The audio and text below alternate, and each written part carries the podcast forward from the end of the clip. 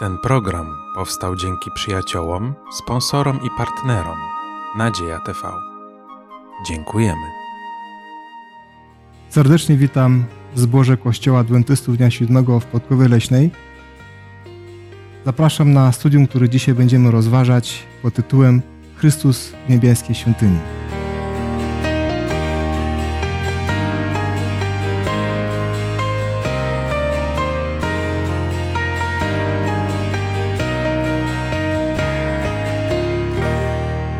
Dzisiaj razem ze mną w studiu jest Małgosia, Damian i Konrad. Ja mam na imię Igor. Na początku studium, stu, naszego studium będziemy się modlić. Poproszę Damiana o modlitwę. Panie nasz Boże, chcemy Tobie podziękować za ten przywilej studiowania Twojego słowa, jaki dzisiaj mamy. Prosimy Ciebie, abyś Ty prowadził nas w tym rozważaniu, abyś Ty, Panie, swoim Duchem Świętym dodawał nam mądrości, aby Twoje prawdy mogły być tutaj wywyższone, Panie. Oddajemy się w Twoje ręce i prosimy o prowadzenie w imieniu naszego Zbawiciela Jezusa. Amen. Amen. Temat świątyni niebiańskiej nie jest jeden z łatwych, ale też jest bardzo ważny, więc dlatego myślę, że dzisiaj będziemy się starać przedstawić, co dla nas znaczy ta, ta, ta nauka, prawda, i jak możemy tę naukę przyjmować dla nas, dla naszego życia duchowego i tak samo jakie znaczenie ma dla nas w ogóle jako chrześcijan i jako tych, którzy jesteśmy zbawieni przez Jezusa Chrystusa. Na samym początku naszego studium może bym chciał zadać takie pytanie. Jakie jest ogólne przesłanie listu do Hebrajczyków? O czym w zasadzie ten list mówi? Tak krótko, gdybyśmy mogli przedstawić. No tak, ogólnie to list ten mówi na temat właśnie kapłaństwa Jezusa Chrystusa. Mówi hmm. o tym, że Jezus Chrystus jest arcykapłanem, który wstawia się za nami w niebiańskiej świątyni przed swoim Ojcem. Hmm. Dziękuję. No jest w ogóle w obszerny sposób przedstawiona cała służba świątynna, mhm. rola świątyni i chyba wyjaśnienie, że to, co w Starym Testamencie zostało przedstawione w sposób taki biedny, powiedzmy, ma sens, bo wskazuje na to, co się dzieje w niebie. Tak, dziękuję bardzo. Tak, Konrad? Wydaje się, że nauka o świątyni, która jest przedstawiona w liście do Hebrajczyków, tak naprawdę skupia w sobie wszystkie najważniejsze nauki na temat Pana Boga, na temat człowieka, na temat grzechu, na temat zbawienia. Pokazuje, że w centrum tego planu zbawienia czy ratunku jest Jezus Chrystus, a tym samym pokazuje, że w centrum w ogóle działania Boga jest człowiek. Przecież Jezus mhm. przyjmuje to ciało, żeby mógł nas reprezentować jako arcykapłan, więc wydaje się, że list do Hebrajczyków po prostu pokazuje y, plan zbawienia w pigułce. Też do tego może bym jeszcze dodał, że, że to, to, co y, Ewangelie jakby nie, nie dopowiadają dla nas więcej o zbawieniu z łaski przez wiarę, czy w ogóle o zbawieniu, właśnie y, przekazuje to list Hebrajczyków. Tak mam wrażenie. Nie mówię, że Ewangelie nie, nie, nie, w pełni przedstawiają, na czym polega zbawienie z łaski przez wiarę, czy też list apostoła Pawła, pozostałe. Natomiast bez listu Hebrajczyków myśmy mieli naprawdę dużo luk, które no, nie wiedzieliśmy, czym je zapełnić. A przede wszystkim właśnie nauki, które mamy też w Starym Testamencie. Tak, dziękuję za, za Wasze wypowiedzi, bo naprawdę wydaje mi się, że, że dużo nam wyjaśnia na samym początku yy, w ogóle, o czym będziemy dzisiaj mówić.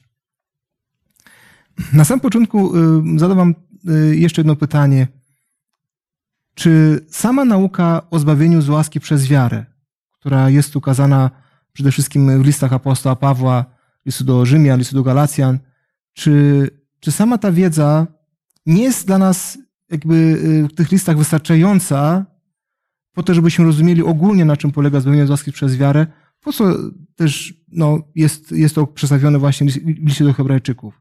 Czy to jest ważne, żeby w taki sposób też przedstawić y, zagadnienie z łaski przez wiarę? Czy w ogóle jest w ogóle nam potrzebne to, to co jest, czy nie? Jak wam się wydaje? No, gdyby nie było potrzebne, to by nie było listu do Hebrajczyków w Biblii, mhm. to po pierwsze. Więc jakiś cel Bóg w tym miał, że natchnął autora, żeby spisał te słowa, a potem natchnął tych, te osoby, które układały kanon, żeby ta księga się tutaj znalazła. Natomiast faktycznie no, cała Biblia się uzupełnia. Nie ma ani jednego słowa, które nie jest tutaj potrzebne. List do Hebrajczyków w szczególny sposób porusza y, całą naukę o świątyni i tą prawdę o zbawieniu, ja bym powiedziała, że pogłębia. A szczególnie to jest no, chyba specjalna księga, specjalny list, który pokazuje i wyjaśnia nam, co Jezus teraz robi. Tak, dziękuję bardzo. No, same Ewangelie przedstawiają nam o tym, że jest coś takiego jak zbawienie z łaski przez wiarę, prawda? No i jakby to jest w porządku. Natomiast no, jest coś takiego w nas zawsze, że chcemy głębiej badać, prawda? Tak. Na początku, na początku Mhm. człowiek rozumie w jakiś podstawowy sposób coś, no ale jak czyta Biblię więcej, no to coraz więcej, prawda, Tak. dostaje tego. No i no ja uważam, że właśnie e, w ogóle odniesienie się do świątyni, tak jak tutaj w liście do Mhm. Hebrajczyków mamy ten temat świątyni poruszony, no to dzięki, dzięki zrozumieniu temu, czym, czym jest świątynia, e, czemu ona, czemu ona służyła, w jaki sposób tam wyglądał w ogóle Mhm. cały ten system w Starym Testamencie, jak Izraelici to wszystko wykonywali, no to, to symbolizuje coś wszystko, prawda? A tam jest Tak. ukryty właśnie plan zbawienia. Mhm. To pomaga nam lepiej, e, zrozumienie tematu świątyni pomaga nam lepiej zrozumieć, e, czym tak naprawdę jest właśnie to zbawienie z łaski. Mhm. Tak, dziękuję bardzo. Tak? No i w sumie można powiedzieć, że i w Starym Testamencie mamy zbawienie z łaski przez Mhm. wiarę, bo przecież te ofiary nie miały mocy zbawiania, ale wiara w to, że przyjdzie kiedyś Mesjasz. Mhm. Natomiast e, tak jak chociażby robi to ewangelista Mateusz, albo jak robi to często Paweł, bierze teksty Starego Testamentu i wyjaśnia przez pryzmat wydarzenia Jezusa, czyli jego osoby, jego Tak. śmierci, zmartwychwstania. I autor listu do Hebrajczyków robi podobnie z wyjaśnieniem świątyni. Mhm. Świątynia nie to, że nie była rozumiana, ale ją trzeba było wyjaśnić e, przez pryzmat Jezusa Chrystusa. E, dlatego e, list do Hebrajczyków, tak nazywa się, czy tak nazywamy go, tak naprawdę jest listem do chrześcijan pochodzenia żydowskiego. I dzięki temu, że on został e, spisany, możemy dzisiaj lepiej wiedzieć, jak pierwszy Kościół, jak teologowie pierwszego Kościoła rozumieli naukę e, o świątyni w kontekście właśnie osoby Jezusa. No ja jeszcze Mhm, dodam, że może faktycznie nauka o świątyni kiedyś była rozumiana, szczególnie przez Żydów, ale czy teraz jest rozumiana? Niekoniecznie. Ja myślę, osobiście przynajmniej bez listu do Hebrajczyków nie pojęłabym w ogóle, o co chodziło w świątyni i w roli ofiar. Dziękuję, dziękuję Wam za te wypowiedzi. Naprawdę y, mi się wydaje, że na samym początku nam trochę wyjaśnia, prawda, o czym będziemy rozważać i mówić. Teraz bym chciał, żebyśmy przeczytali y, trzy teksty. Y, Pierwszy tekst może poproszę Małgosiu, abyś przeczytała tekst z listu do Rzymian, ósmy rozdział, trzeci werset. Damian, gdybyś mógł przeczytać z pierwszego listu Tymoteusza, pierwszy rozdział, 16, 17 werset, y, a Konrad, gdybyś mógł przeczytać z, pierwszy, z pierwszego listu Koryntian, 15 rozdział, trz- 53 werset. Albowiem czego zakon nie mógł dokonać, w czym był słaby z powodu ciała, tego dokonał Bóg przez zesłanie syna swego w postaci grzesznego ciała, ofiarując je za grzech, potępił grzech w ciele. Dziękuję. Damianie, gdybyś mógł przeczytać? A królowi wieków, nieśmiertelnemu, niewidzialnemu, jedynemu Bogu niechaj będzie cześć i chwała na wieki wieków. Amen. Dziękuję. Teraz Konrad, musisz przeczytać ten tekst. Albowiem to, co skażone, musi przyoblec się w to, co nieskażone, a to, co śmiertelne, musi przyoblec się w nieśmiertelność. Dziękuję bardzo. Co te teksty mówią o zamiarze, czy też celu, którym Pan Bóg miał, kiedy wysłał Jezusa Chrystusa na ziemię, aby umarł za nas? Jak Wam się wydaje? Co, co te teksty mówią? Może też więcej to, co wiemy, co jest y, zapisane w Nowym Testamencie, poza tymi tekstami. Dlaczego w ogóle Bóg właśnie y, zesłał Syna swojego na świat, aby, aby umarł za nas? Tak? No, Y, Damian, proszę. Proszę, Damian. A wiadomo, że rzeczy na świecie potoczyły się nie tak, jak się miały potoczyć, prawda? E, Więc z tego idealnego, doskonałego stanu zaczął człowiek się staczać w dół. No i właśnie przychodzi sam Bóg na ten świat, przychodzi Syn, e, przychodzi Jezus po to, żeby przywrócić to, co zostało utracone. Po to, po to żeby Mhm. odwrócić ten proces niszczenia, żeby znowu ostatecznie, jak potem czytamy zapowiedzi prorockie w niektórych księgach, w Apokalipsie chociażby, że, że to wszystko zostanie przywrócone, prawda? Że znowu Mhm. wrócimy do stanu takiego, w jakim wszystko było na początku, że znowu będzie nieśmiertelność, że już nie będzie Mhm. skażenia, nie będzie grzechu, nie będzie tego zniszczenia. No i właśnie te fragmenty tak mniej Mhm. więcej o tym mówią, że Tak. Jezus przyszedł po to, żeby no, przywrócić to wszystko do pierwotnego stanu poprzez to, co zrobił. Tak, dziękuję. Tak, w, Małgosiu? tym, w liście do Rzymian w ósmym rozdziale to chyba jest najprostsza odpowiedź, bo y, musiał spełnić to, czego nie mógł spełnić zakon. Zakon został nadany, y, umowa zrobiona, wy spełniacie, macie życie. Ale oczywiście nikt nie był w stanie, żaden człowiek nie był w stanie spełnić tych wymagań, tylko Jezus mógł to wymaganie spełnić. No i też Tak. wydaje mi się, że no właśnie tylko Syn Boży jest tak święty, że żadne inne stworzenie nie mogło zastąpić Jego w wykonaniu tego planu zbawienia, bo choćby plan sam w sobie był wspaniały, to musiała być równie wspaniała, święta, doskonała Mhm. istota, jaką jest Syn Boży e, z naturą boską i tylko właśnie ta ofiara może faktycznie przeoblec to, co śmiertelne w nieśmiertelność. I bo tylko Bóg tę nieśmiertelność jako jedyny posiada i on może, e, jego ofiara może być jedynie Mhm. wystarczająca dla, dla, no, do tego zadania, do wykonania tego zadania. Więc gdyby nie to, gdyby nie to, co Jezus dla nas zrobił, to tak naprawdę moglibyśmy pozostać na e, etapie ciągłego modlenia się, ciągłego chodzenia do kościoła, umarlibyśmy i tak wszystkie następne pokolenia. Nie byłoby tego odnowienia. Tak, dziękuję bardzo. W zasadzie list do Hebrajczyków właśnie ukazuje, w jaki sposób Pan Bóg po prostu y, to zbawienie y, uczynił dla nas rzeczywistym, prawda? W jaki sposób Pan Bóg y, no, przywraca z powrotem te, te rzeczy, które na, od, od, samego- początku zostały zepsute. No i właśnie mi się wydaje, że w świetny sposób pokazuje tą rolę, zresztą jak myśmy trochę już- żeście mówili, spełnił Chrystus, prawda? Od samego początku, tak? Czyli od, od prowadzenia najpierw Adama i Ewę, aż do kiedy znowu Chrystus przyjdzie drugi raz, tak w zasadzie, prawda? Więc, cały ten proces w zasadzie pokazany jest y, no, w, całym, y, w całym Piśmie Świętym, a szczególnie uwa- uważam, że w liście- do Hebrajczyków, prawda? Bo tam są już takie szczegóły, które właśnie czyni Jezus y, w niebieskiej świątyni i w ogóle w niebie, tak? Które, które właśnie no, doprowadzą do tego, żeby, żeby przywrócić z powrotem ten, ten świat, który zginął, prawda? I, i pokazuje, w, i, i w jaki sposób on to dokonuje, a, a z drugiej strony może jeszcze to, to, tylko dodam, że, że pokazuje tak, znaczy w jaki sposób i, Bóg to robi, jacy my jesteśmy ważni dla, dla, dla samego Boga, prawda? I, i, i rzeczywiście y, Bóg, y, który jest y, wszechmogący, wszechwiedzący, który jest na tyle potężny w porównaniu z nami, prawda? Tak mocno i tak bardzo się zaangażował po to, żeby nas bawić. To jest, mi się wydaje, że niesamowite, kiedy czytamy list do Hebrajczyków i widzimy, na ile Pan Bóg był w stanie zrobić wszystko, żeby nas właśnie y, zbawić. Teraz chcę, aby, aby byśmy przeczytali tekst z Ewangelii Łukasza, 9 rozdział, 22 werset. Damianie, gdybyś mógł ten tekst przeczytać. Powiadając, Syn Człowieczy musi wiele cierpieć i musi być odrzucony przez starszych i arcykapłanów i uczonych w piśmie i musi być zabity, a dnia trzeciego wskrzeszony. Dziękuję. Ten tekst y, pokazuje, że, że Chrystus był świadom w pełni tego, co ma nastąpić. Y, I w zasadzie wiedział dokładnie, y, w jaki sposób to się spełni. Zresztą mamy też inne teksty, które o tym też mówią. Natomiast mam parę pytań, które no, często ludzie zadają. Na przykład, czy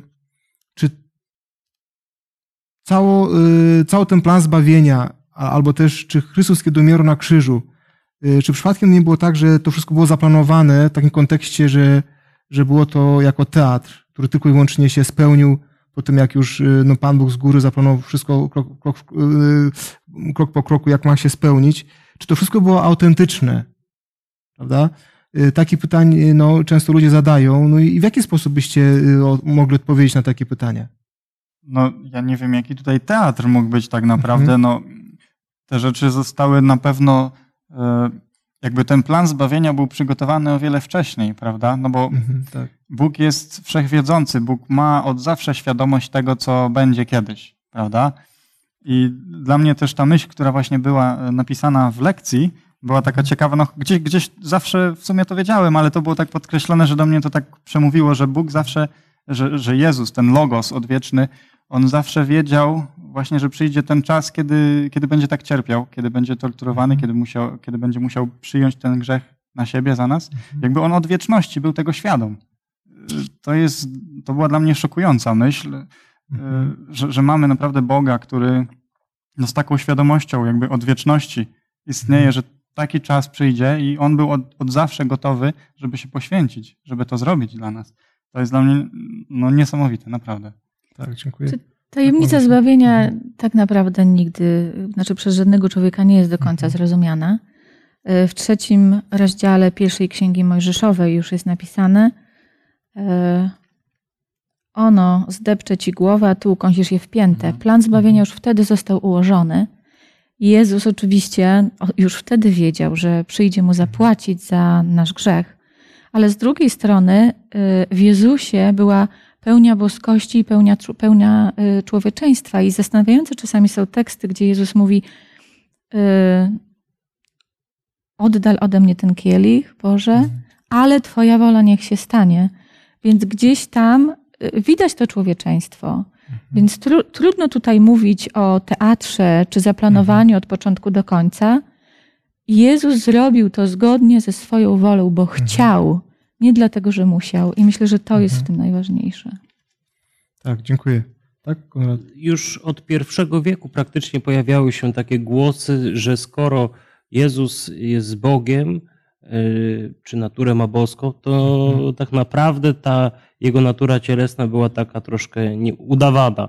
I Tak. Jan Apostoł w pierwszym swoim liście przeciwstawia się e, tego rodzaju, no można powiedzieć, herezji e, i pisze w czwartym rozdziale pierwszego listu e, takie słowa: Wszelki duch, który wyznaje, że Jezus Chrystus przyszedł w ciele, z Boga jest. Wszelki zaś duch, który nie wyznaje, że Jezus Chrystus przyszedł w ciele, nie jest z Boga. Jest to duch antychrysta. Pierwszy list Jana 4, 2 i 3. Więc e, tak naprawdę jest to bardzo kluczowe do zrozumienia, że nie ma w tym żadnego teatru, chociaż oczywiście nie, za, nie przeczy to naturze boskiej Jezusa, ale mm, właśnie wtedy w ogrodzie Getsemane widać e, ten krwawy pot, który jest dowodem e, no, nie tyle cierpienia fizycznego, którego jeszcze nie ma, bo często Tak. utożsamiamy cierpienie Jezusa z biczowaniem, skrzyżowaniem, ale jest to wynik strachu, Mhm. a strach jest typową reakcją ludzką, a nie Bożą, bo Bóg się nie ma czego bać. Nie znaczy, że Pan Jezus nie, nie był Bogiem, ale widać właśnie wtedy jakby najwyższy taki dowód tej ludzkiej natury. Później Piłat stwierdza, oto człowiek, e, później wiemy przecież, że to ciało jest schowane, przebite, e, ma rany, nie ma tam żadnego teatru, wręcz przeciwnie. E, obserwując Jezusa z relacji ewangelistów widzimy, że jest to w pełni ludzkie cierpienie i nie jest to tylko jakieś odgrywanie czy odtwarzanie jakiegoś e, filmu czy teatru. E, Chociaż plan był i Jezus był tego świadomy, to co innego, kiedy my wiemy, że coś ma się stać, a co innego, gdy to coś się staje w naszym życiu. Przeżywamy wtedy to naprawdę, nawet jeśli się tego spodziewaliśmy. Tak, właśnie y, to, co wyście powiedzieli, y, jak najbardziej właśnie pokazuje, że, że Bóg chociaż wszystko zaplanował od samego początku, chociaż wszystko doskonale wiedział, jak, jak, jak to będzie, to, to nie wyklucza właśnie y, autentyczności wydarzenia i, i, rzeczywistego przeżycia, który dokonał, który miał Jezus, prawda, właśnie przede wszystkim właśnie w ogrodzie Getsemany, tak samo na krzyżu. Y, I oczywiście y, to wszystko, jak opisuje, opisują też Ewangelie, w jaki sposób Chrystus umarł na krzyżu, jakie, jakie miało to znaczenie i tak dalej, to pokazuje wyraźnie, że, że naprawdę było to niesamowite, w jaki sposób, w jaki sposób Chrystus nas, nas zbawił. I, i, I właśnie to wszystko pokazuje, że rzeczywiście to wszystko było autentyczne, prawdziwe i, i, i to miało miejsce no, właśnie w ciele, tak jak było, było cytowane, prawda, i, i krwi Chrystusa. To jest naprawdę bardzo istotne, uważam, dla nas, chrześcijan, abyśmy to mieli cały czas naszej świadomości. Teraz chcę, abyśmy przeczytali trzy teksty. Pierwszy tekst y, z Ewangelii Jana, pierwszy rozdział, 29 werset, y, który będzie czytała Małgosia. Drugi tekst z Księgi Objawienia, piąty rozdział, 20 y, 12 werset, który Damian będzie czytał. I y, 13 rozdział, ósmy werset Objawienia, który będzie czytał Konrad. Nazajutrz ujrzał Jezusa idącego do niego i rzekł: Oto baranek Boży, który gładzi grzech świata. Dziękuję. Damianie, mógł przeczytać swój tekst? I mówili głosem donośnym: Godzien jest ten baranek zabity wziąć moc i bogactwo, i mądrość, i siłę, i cześć, i chwałę, i błogosławieństwo. Dziękuję. Konradzie, gdybyś mógł też swój tekst przeczytać? I oddadzą jej pokłon, czyli bestii, wszyscy mieszkańcy ziemi, każdy, którego imię nie jest zapisane od założenia świata w Księdze Życia zabitego baranka. Dziękuję. Y, Te trzy wersety pokazują, w jaki sposób Chrystus jest przedstawiony jako baranek Boży. I widzimy, że, że ten kontekst może być trochę, trochę właśnie z jednej strony pokazany. Y, Jak wam się wydaje, właśnie w kontekście listu do Hebrajczyków, jakie znaczenie ma mianowicie to, że Chrystus jest barankiem Bożym? No, ma to dla nas duże znaczenie, ponieważ Jezus Chrystus jest tą doskonałą ofiarą, prawda? Mhm. I o ile tutaj na ziemi, w tym systemie ofiarniczym mieliśmy składane ofiary, składane ofiary właśnie, e, ale wiemy też, że no, ta krew kozłów, baranów, wołów, ona nie ma mocy tak naprawdę odpuszczenia tych grzechów. To, to tylko symbol był. Natomiast no, tutaj mamy ten, tego baranka Bożego, który był zapowiedziany. To właśnie Jego przelana krew ma tą moc, żeby e, zgładzić grzech człowieka. No i właśnie dlatego jest to takie istotne. Warto powiedzieć, że przez to właśnie, że jest to ofiara Jezusa Chrystusa, Syna Bożego, jest to ofiara idealna, wystarczalna, całkowita, wieczna, nie trzeba jej ponawiać, nie trzeba e, ustanawiać jakichś substytutów tej ofiary. Ona jest wystarczająca na wszystkie grzechy popełnione zarówno przed ukrzyżowaniem Jezusa, w trakcie, jak i Mhm. po, po koniec e, czasu łaski, po koniec świata, po Mhm. przyjściu Pana Jezusa. Ta ofiara będzie wystarczająca dla wszystkich grzeszników, którzy chcą z niej skorzystać. I wydaje mi się, że jest to też w liście do Hebrajczyków po, po, po, pokazane, potwierdzone, że jest ona złożona jeden raz na zawsze i jest kompletna. Tak, dziękuję. No właśnie, bo ten, ten kontekst, ym, który pokazuje, jakie znaczenie ma nawet to, to właśnie określenie jako y, baranok, bo, baranek Boży, prawda, jest naprawdę bardzo ważny w ogóle w kontekście całego Nowego Testamentu, a przede wszystkim liście do Hebrajczyków, bo nam naprawdę wiele, wiele tu wyjaśnia i, i, i przedstawia właśnie y, no, tą rolę i Chrystusa jako, jako bara, baranka Bożego. Teraz y, mm, mam następny tekst, y, chociaż jest tekst dłuższy z listu do Hebrajczyków, siódmy rozdział. Y, I może y, nie będziemy czytać, bo cały ten rozdział siódmy, bo jest długi, nie mamy na to czasu. Natomiast y, będę prosił, aby, aby Konradzie, gdybyś mógł przedstawić, co, co jest zapisane w tych, w tych y, wersetach, a może Małgosie potem na, będę cię prosił, abyś mogła przeczytać od 24 do 27 wersetu. Tak, Konrad, gdybyś mógł przedstawić, Tak. co jest napisane tutaj w tych wersetach. Może tylko wspomnę, że autor listu do Hebrajczyków już od pierwszego rozdziału pokazuje wyższość Chrystusa w różnych kontekstach.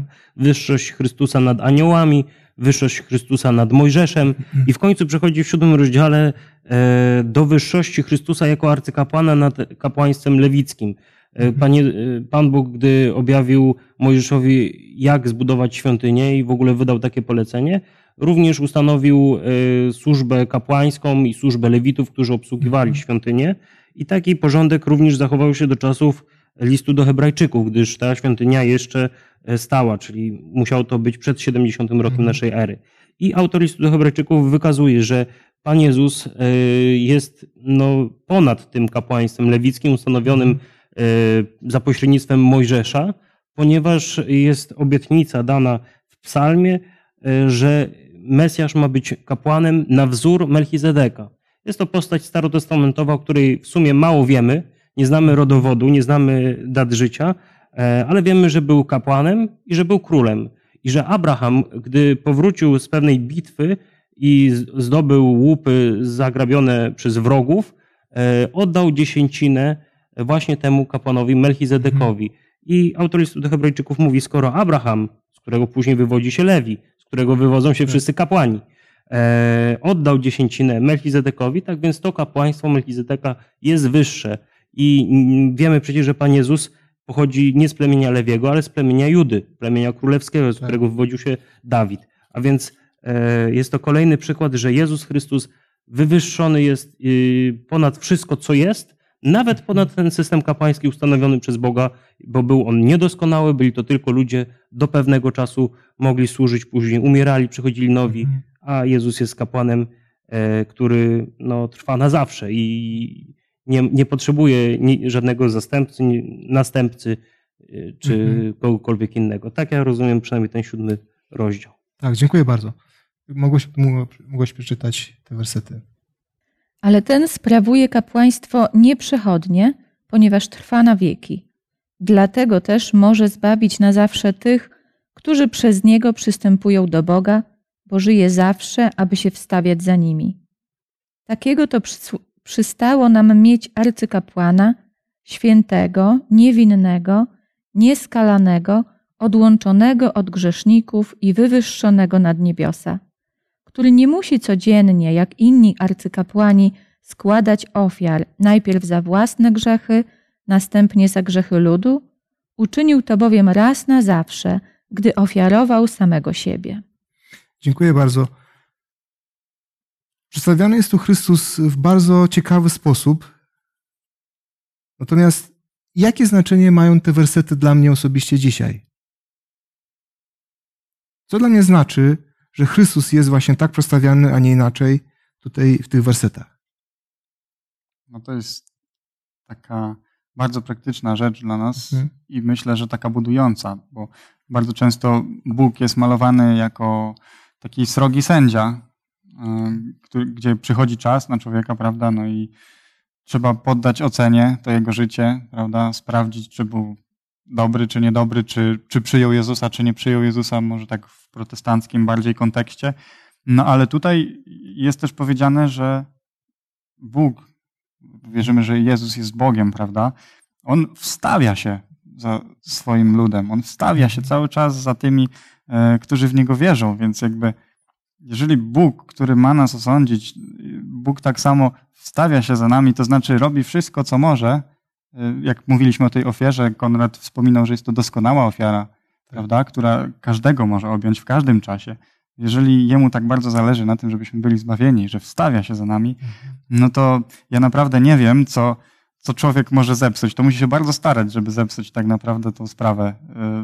Yy, Ja myślę, że komuś takiemu naprawdę warto i powinniśmy ufać tak do końca.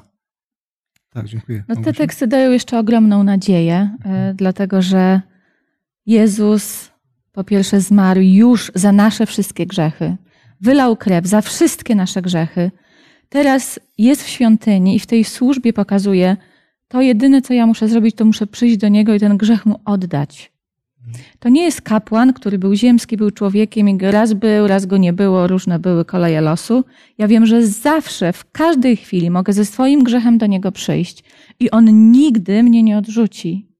I te, za te wszystkie grzechy już zmarł. Więc tak naprawdę po mojej stronie teraz jest decyzja, czy ja przyjmę ten dar, czy nie. Tak, dziękuję.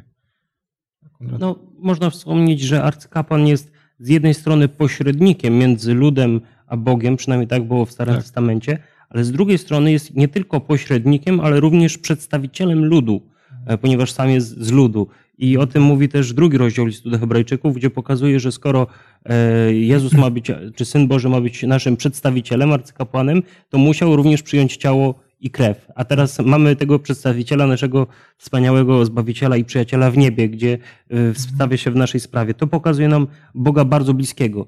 Jedno z imion, chociaż rzadko używane, ale pojawia się w Ewangelii, imion Jezusa jest Emanuel, to znaczy Bóg z nami. Chyba już o tym nawet mówiliśmy. Ja tylko powtórzę, że naprawdę jest to Bóg bardzo bliski dla nas. Nie jest to Bóg daleki, nie jest to Bóg, którego e, trzeba gdzieś e, uprzedmiotawiać, tylko w każdym e, miejscu na ziemi, o każdej porze mamy duchową łączność z Nim.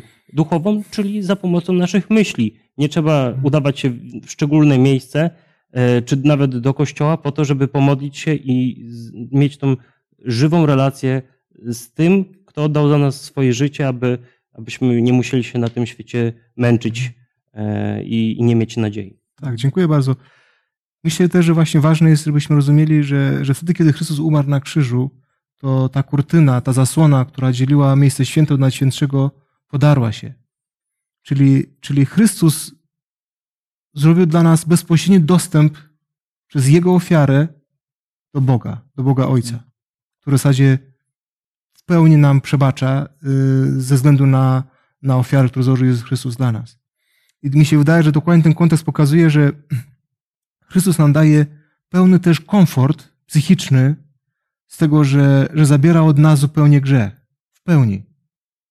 I jak jest napisane tutaj, że On jest wieczny, Jego kapłaństwo jest wieczne. Inaczej mówiąc, przebaczenie nasze jest, jest na zawsze.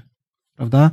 Y, I jeżeli Pan Bóg nam przebacza, to nikt nigdy nie będzie, nie będzie mógł je znowu nam y, przywrócić i, i pokazać nam w twarz te, te grzechy, prawda?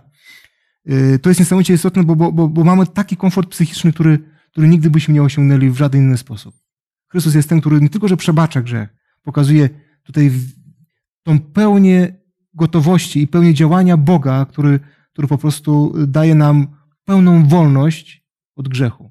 I to jest naprawdę niesamowite. Dla mnie te słowa są, są naprawdę nie tyle, że pokrzepiają, że, że dają mi otuchy i tak dalej, ale, ale naprawdę po prostu czujesz taką wolność, że, że chciałbyś, nie wiem, pobiec na, na otwarte pole, na, na jakąś ląkę i krzyczeć, że jesteś naprawdę, jestem naprawdę wolny, prawda? Bo, bo nigdzie, nigdzie taką wolność właśnie nie, się nie dostaje i człowiek nie, nie jest tego świadomy, dopóki nie zrozumie, jaką służbę Chrystus pełni, jak jest napisane tutaj, co, jak, codzienną służbę i cały czas gotowość bycia przy tronu Boga.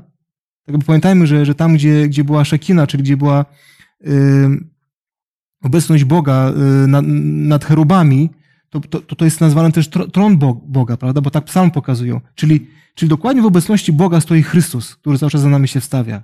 Który jest gotów na każdą chwilę, na każdy nas grzech odpowiedzieć Bogu Ojcu. Mówiąc, że, że moja krew, moja śmierć uwolniła tego człowieka od, od winy, od jego grzechu i on teraz naprawdę jest kompletnie wolny. I te słowa są naprawdę niesamowite.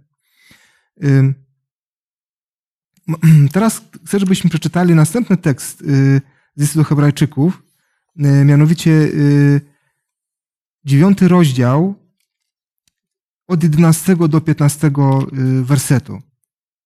Lecz Chrystus, który się zjawił jako arcykapłan dóbr przyszłych, wszedł na, przez większy i doskonalszy przybytek, nie ręką zbudowany, to jest nie z tego stworzonego świata pochodzący. Wszedł raz na zawsze do świątyni, nie z krwią kozłów i cielców, ale z własną krwią swoją dokonawszy wiecznego odkupienia. Bo jeśli krew kozłów i wołów oraz popiół z jałowicy przez pokropienie uświęcają skalanych i przywracają cielesną czystość, o ileż bardziej krew Chrystusa, który przez Ducha Wiecznego ofiarował samego siebie bez skazy Bogu, oczyści sumienie nasze od martwych uczynków, abyśmy mogli służyć Bogu żywemu. I dlatego jest On pośrednikiem nowego przymierza, ażeby gdy poniesiona została śmierć dla odkupienia przestępstw popełnionych za pierwszego przymierza, ci, którzy są powołani, otrzymali obiecane dziedzictwo wieczne. E, dziękuję, Damianie. Tutaj jest przedstawione, że, e, że, że to odkupienie, które dokonał Chrystus, jest wieczne. W jaki sposób przedstawione jest właśnie tutaj, że, że ta, to, to wieczne, wieczne odkupienie jest dokonane dla nas? I to, cały ten kontekst, co nam mówi nam w zasadzie o, o tym, w jaki sposób Chrystus y, y, właśnie y, sprawia, sprawia się z grzechem. Czy dla mnie przynajmniej tutaj akurat w tych tekstach najważniejszy jest ten, ten obszar jakby, czy sprawa krwi Jezusa, mhm. który mówi, że no jest o wiele bardziej doskonały niż, niż krew zwierząt, które wcześniej były poświęcane. Nawet nie, to jest doskonałe, ale to jest niezwykle droga krew, poświęcona z własnej woli dla nas, żeby każdy z nas żył. I teraz, co jest dla mnie też ważne w tej krwi Jezusa, tak jak w Starym Testamencie kapłan, który wchodził do świątyni, który jakby y, przebłagiwał za grzechy ludzi, on pokrapiał tą krwią elementy świątyni. Y, nauka o świątyni jest właśnie tym bardziej ważna, że jakby pomaga nam przypominać, że za każdym razem, za każdy grzech, który my robimy, bo przecież to nie jest tak, że wyznajemy grzecha, od jutra już nie grzeszymy. My znowu grzeszymy. To Jezus znowu tą swoją krwią jakby symbolicznie skrapia świątynię, co daje nam świadomość cały czas, jaki ten nasz grzech jest potworny. Mhm I Jezus przez swoją służbę, nie tylko wstawienniczą, ale tą oczyszczającą, chce nas nauczyć, żebyśmy no, do tego grzechu jak najrzadziej wracali. I bez nauki o świątyni myślę, że trudno jest sobie z tego zdawać sprawę, bo byśmy raz przyjęli, mamy wszystko przebaczone, yy, zbawienie z łaski, koniec. Ale nie, Jezus w tej świątyni cały czas tą służbę pełni swoją krwią. I dlatego dla mnie akurat to ma największe znaczenie w tych tekstach. Tak, dziękuję. Damian? Jeszcze taka myśl właśnie mi też przyszła tutaj, szczególnie w 14 wersecie, ten fragment oczyści sumienie nasze od martwych uczynków, abyśmy mogli służyć Bogu żywemu. To jest jakby Mhm. y, pewna przyczyna i skutek, prawda? Tak. Jest oczyszczenie naszego sumienia od martwych uczynków i, i dopiero wtedy człowiek może służyć Bogu żywemu. Mhm. E, To jest, myślę, dla nas bardzo istotne, e, dlatego że czasami mamy problem właśnie z uwierzeniem w to, czy rzeczywiście Bóg nam przebacza jakieś grzechy, czy, czy rzeczywiście tak jest, nie? I wtedy zadręczamy się jakimś poczuciem winy, którego tak naprawdę nie powinno być, bo jeżeli szczerze wyznajemy nasze grzechy, to wierny jest Bóg i sprawiedliwy, jak mówi Pismo, i odpuszcza nam nasze przewinienia, prawda? I to właśnie kiedy człowiek rzeczywiście przyjmuje to, y, y, tą łaskę, to przebaczenie, to go uzdalnia do tego, żeby Mhm. służyć temu Bogu, bo wtedy dostrzega, jaki to jest miłosierny Bóg, prawda? Bez przebaczenia nie ma tej chęci służenia Bogu. Tak, Ale tu myślę jeszcze właśnie nauka o świątyni tym bardziej nam pomaga zrozumieć, bo grzech wkładany na zwierzęcie przez położenie ręki, potem przez pokropienie krwi, jakby to było fizyczne pokazanie, ty grzech oddałeś, grzech potem został zaniesiony do świątyni i w dniu pojednania świątynia oczyszczona. I jeżeli my o naszym grzechu tak myślimy, że my go oddajemy Jezusowi i On go niszczy, to wtedy łatwiej nam jest w ogóle jakby już no, uwierzyć w to, że On jest przebaczony, zniszczony. Nie ma. Mhm. Tak, dziękuję. Y, I tu mi się wydaje, że to jest właśnie ważne, jest przede wszystkim, że może trochę to też Damian mówił, że nie możemy być gotowi y, do służby Bogu, jeżeli nie będziemy właśnie do, w pełni y, oczyszczeni od grzechu. Nie ma mowy o służbie, prawda? Więc, y, więc właśnie tak odwrotnie bym powiedział. Więc y, y, jest istotne, żebyśmy rozumieli, że, że właśnie ta świątynia, która, która była zbudowana, która jest na ziemi, nie możemy jej do końca porównać z tą świątynią, która jest w niebie, bo jest napisane, że to, to jest świątynia, która nie była zbudowana ręką, prawda? I tak samo jak tamte doskonalsza, to tyle doskonalszy właśnie jest Chrystus i to, to co Chrystus dokonał, dokonał y, w niebie i teraz to dokonuje w niebie dokładnie, prawda? Więc, więc dlatego y, też, że y, właśnie ta, ta krew cielców i, baran, i baranków, jak nie była doskonała, bo to było tylko i wyłącznie symbol tego, co miało się stać, czyli, czyli właśnie symbol tego, że, że Chrystus swoją krew przelał za nas, prawda? Na tyle właśnie doskonalszy jest, doskonalsza jest ofiara Chrystusa. I dopiero teraz jakby rozumiemy w pełni, że, że to, co było na ziemi, to, to było tylko symbolem tego, co, co dokonało się y, y, na krzyżu i tego, co się dokonuje teraz w świątyni, tak w zasadzie, prawda? Y, Dlatego ta, ta realność, ta rzeczywistość świątyni w niebie jest coś niesamowitego dla nas, coś, co się, co się dzieje teraz dla mnie osobiście w niebie. Nie tylko, że co się działo, prawda, ale to, co się dzieje teraz dla mnie osobiście. I, i, i dlatego, jak zostało to powiedziane, jak Małgosia właśnie mówiłaś, że, że to jest ważne dla mnie dzisiaj, tak, że, że mój Bóg, że Bóg mi przebacza w pełni te moje grzechy obecnie, prawda, jestem świadom, że, że, że, że, że te, to, co się dzieje y, w świątyni obecnie pokazuje, że jak, jak ciężki jest ten grzech, który ja popełniam, tak, i też daje mi pełną świadomość właśnie na czym polega moje zbawienie i moje od, odpuszczenie grzechów, y, które, które, które właśnie y, Pan Bóg mi daje. Jest istotne, żebyśmy właśnie też patrzyli te- też no, ze strony tutaj, w jaki sposób Chrystus y, y, przedstawia nam, jak On widzi y, to, to nasze zbawienie, czy też oczyszczenie. I dlatego przeczytamy może następny werset y, z 9 rozdziału, y, 24. I Gdyby, Konrad, gdybyś mógł ten werset przeczytać. Albowiem Chrystus nie wszedł do świątyni zbudowanej rękami, która jest odbiciem prawdziwej, ale do samego nieba, aby się wstawiać teraz za nami przed obliczem Boga. Jakie ma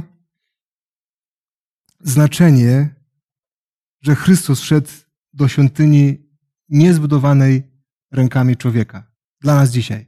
No, Tak, proszę. wydaje się, że no, jest to, jak w innym miejscu listu do Hebrajczyków czytamy, główna rzecz, czyli samo Mhm. sedno, czyli coś, czego, bez czego by nie było w sumie chrześcijaństwa. No, Tak. To nie są moje myśli, to autor listu do Hebrajczyków mówi, że to jest główna rzecz, o której mówimy, o której myślimy e, i to pokazuje po prostu wypełnienie całej symboliki świątyni. Często o świątyni ziemskiej mamy taką, e, taki sposób myślenia, że jest to jakby dosłowna fotografia świątyni w niebie, ale musimy pamiętać, że e, nie taki był plan.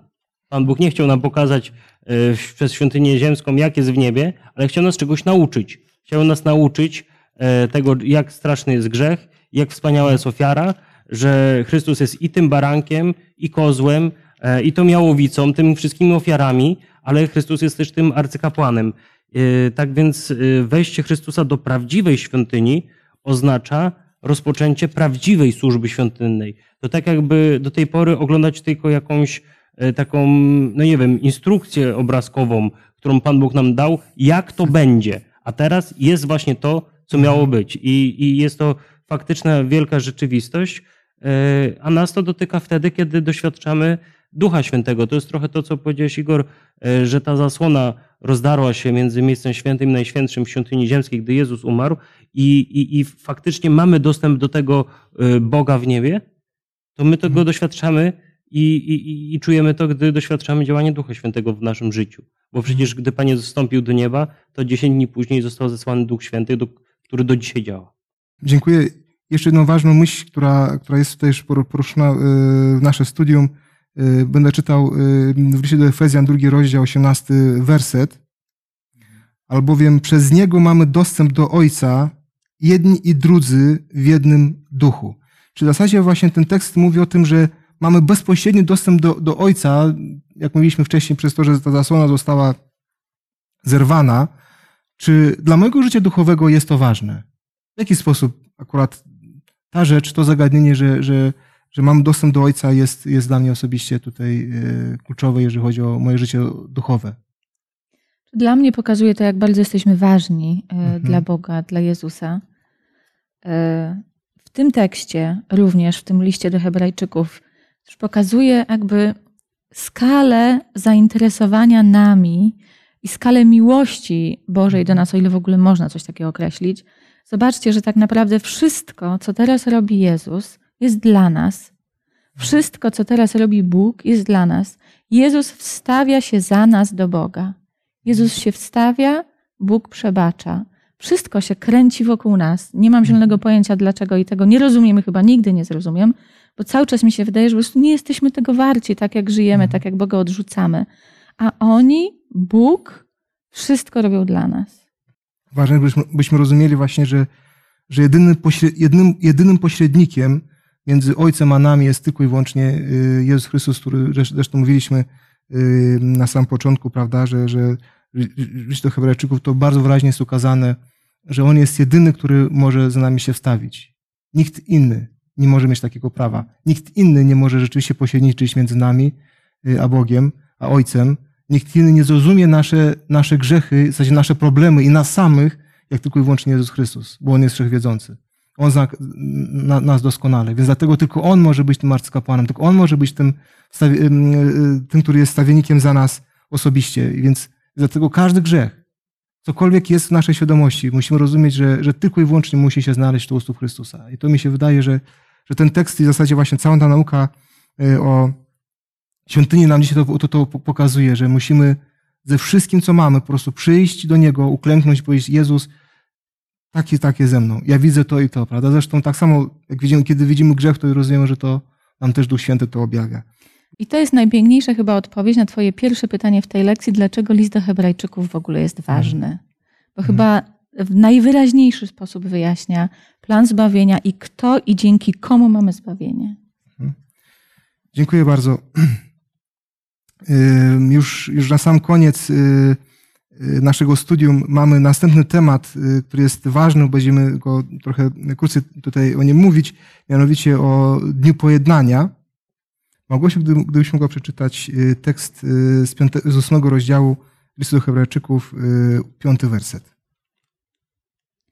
Służą oni w świątyni, która jest tylko obrazem i cieniem niebieskiej, jak to zostało objawione Mojżeszowi, gdy miał budować przybytek.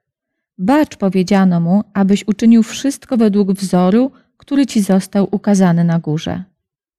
Hmm, Dziękuję. 8.5 miałam przeczytać? Tak. Ja, ja jeszcze będę czytał dziewiąty rozdział, 23 werset. Jest więc rzeczą konieczną, aby odbicia rzeczy niebieskich były oczyszczane tymi sposobami, same zaś rzeczy y, niebieskie lepszymi ofiarami aniżeli te.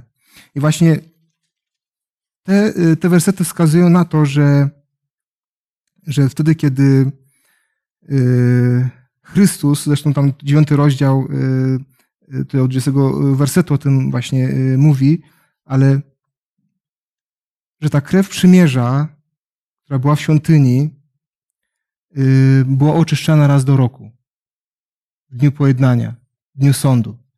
Y, I jak my rozumiemy cały, cały ten tekst, y, który jest opisany w Księdze Kapłańskiej, czyli trzeciej Mojżeszowej, 16 rozdziału, w jaki sposób cała, cała ta służba, której dokonywał arcykapłan w miejscu najświętszym, jest pokazana właśnie tutaj liście do Hebrajczyków. Czy możemy to zrozumieć? Albo też w jaki sposób możemy zrozumieć tę naukę o, o Dniu Pojednania, prawda, właśnie liście do Hebrajczyków? No jeśli chodzi o sam Dzień Pojednania, Mhm. tak jak wspomniałeś właśnie o trzeciej Księdze Mojżeszowej, e, no to mamy cały, cały ten ceremoniał pokazany, który właśnie polegał symbolicznie, symbolicznie pokazywał, że te grzechy, które gdzieś tam podczas całego tego roku li- liturgicznego były jakby gromadzone w świątyni, no one zostały usunięte z niej jakby, prawda? Mhm. Tam jest, jest e, ta sprawa tych dwóch kozłów, jeden dla Pana, drugi dla Azazela i kapłan składa ofiary, no i ostatecznie te grzechy wynosi ze świątyni na głowę tego kozła, no i wypędza go na pustynię, gdzie, gdzie ten Mhm. kozioł umierał. No i no tutaj jest taka głęboka symbolika zawarta w tym wszystkim. Jest pokazanie tego, że no, ten grzech zostaje ostatecznie jakby usunięty dzięki Mhm. łasce Chrystusowej. Tak, dziękuję. Proszę, Konradzie. Wydaje mi się, że w liście do Hebrajczyków y, autor tutaj koncentruje się na ofiarach i na krwi. Mhm. A mm, rolę arcykapłana w Dniu Pojednania nie omawia tak dość szczegółowo. Ja przynajmniej nie kojarzę Tak. teraz. Mhm. Generalnie pokazuje, że wszystkie ofiary, zarówno z cyklu roczy, o, codziennego, jak i dorocznego, symbolizowały Jezusa Chrystusa. I pokazuje, że ta krew jest wystarczająca nie tylko, żeby wybaczyć mój jeden grzech, czy twój jeden grzech, ale tak naprawdę zamknąć sprawę grzechu raz na zawsze, aby odnowić całe stworzenie, o czym pisze apostoł Paweł w liście do Rzymian na przykład. Więc, więc on pokazuje, że ta krew nie przebacza tylko poszczególnych grzechów, ale zamyka całą sprawę grzechu, albo inaczej całą historię grzechu. I tak jak y, Dzień Pojednania był prawie że ostatnim świętem, no można powiedzieć przedostatnim świętem roku liturgicznego e, i, i, i wszystkie grzechy były usunięte, no przynajmniej w czasach Mojżesza, poza obóz w ogóle, e, wcześniej gromadzone w świątyni, tak teraz w tym wypełnieniu się tych e, no, wszystkich zapowiedzi widzimy, że tak samo również w naszej historii świata Jezus ma moc usunąć grzech raz na zawsze. Że to się nie powtórzy, że te obietnice, które są w Apokalipsie w 21 rozdziale, że to wszystko się spełni na mocy krwi Chrystusowej. E, a jeśli chodzi o sam dzień sądny, jego wypełnienie, no to tutaj mm, przydałoby się więcej poczytać z Księgi Daniela z 7 i 8 rozdziału, gdzie czytamy, że tym dniem sądu, czy tym dniem pojednania jest sąd, który ma być przed przyjściem Jezusa Mhm. rozpoczęty i zakończony. Tak, dziękuję bardzo. No właśnie, ten, ten tekst dokładnie to jest 8 rozdziału 13 wersetu Księgi Daniela, gdzie wyraźnie pokazane jest, kiedy ten sąd, sąd się zaczyna. Yy, Natomiast istotne jest właśnie, byśmy rozumieli znaczenie tego, prawda, tego sądu. Yy, Dla nas dzisiaj osobiście, tak, że, że tak samo jest to ważne, bo, bo jest to oczyszczanie świątyni. Yy, Możemy powiedzieć, no, w jaki sposób ta, ta, ta świątynia w niebie może być oczyszczana, kiedy ona jest doskonała w niebie. Więc chodzi o to, że, że my wtedy jesteśmy właśnie yy, w jakimś sensie yy, sądzeni, bo to jest dzień sądu, prawda? I ten, ten, ten okres yy, właśnie sądu, który jest, który mamy przedstawiony w całości rozumienia Dnia Pojednania, jak najbardziej nam da- da- dają zrozumienia, że, że to jest ważny czas dla nas dzisiaj, który jesteśmy w zasadzie właśnie w tym czasie. Jest istotne, żebyśmy rozumieli, że, że Pan Bóg robi wszystko, żebyśmy rozumieli, że On dokonuje to dla naszego zbawienia y, i, i On widzi nas jako tymi, którzy, którzy naprawdę jesteśmy Jego sługami w Jego dziele i dlatego w pełni możemy Jego służyć, kiedy, kiedy rozumiemy, jaką rolę my mamy w dziele, w dziele zbawienia, prawda, w dziele Jezusa Chrystusa. Dziękuję Wam bardzo za, za Wasz udział, za Wasze wypowiedzi. Kończąc nasze studium, chcę, żebyśmy się na koniec pomodlili. Tylko poproszę Konrada, byś się pomodlił. Drogi Panie, dziękujemy za ten wspólny czas spędzony, za to, że mogliśmy czytać Słowo Twoje, mogliśmy rozmawiać, wymieniać się myślami. Dziękuję Panie za wszystkich, którzy razem z nami studiowali te teksty. I spraw Panie, aby każdego dnia e, świętość Twojej ofiary e, przyświecała nam, wskazywała drogę, pouczała i przypominała, jak bardzo, nas, jak bardzo nas kochasz, jak bardzo się o nas troszczysz, e, jak bliski jesteś nam i że w Tobie jedynie mamy pewność odnowienia wszystkich rzeczy i usunięcia całego zła z całego wszechświata. Dziękujemy jeszcze raz za to wszystko i wywyższamy Twoje imię Jezu. Amen. Amen. Dziękuję wszystkim, którzy byli z nami dzisiaj podczas tego studium. Zapraszam na kolejne studium za tydzień pod tytułem Zmiana prawa Bożego. Zapraszam serdecznie.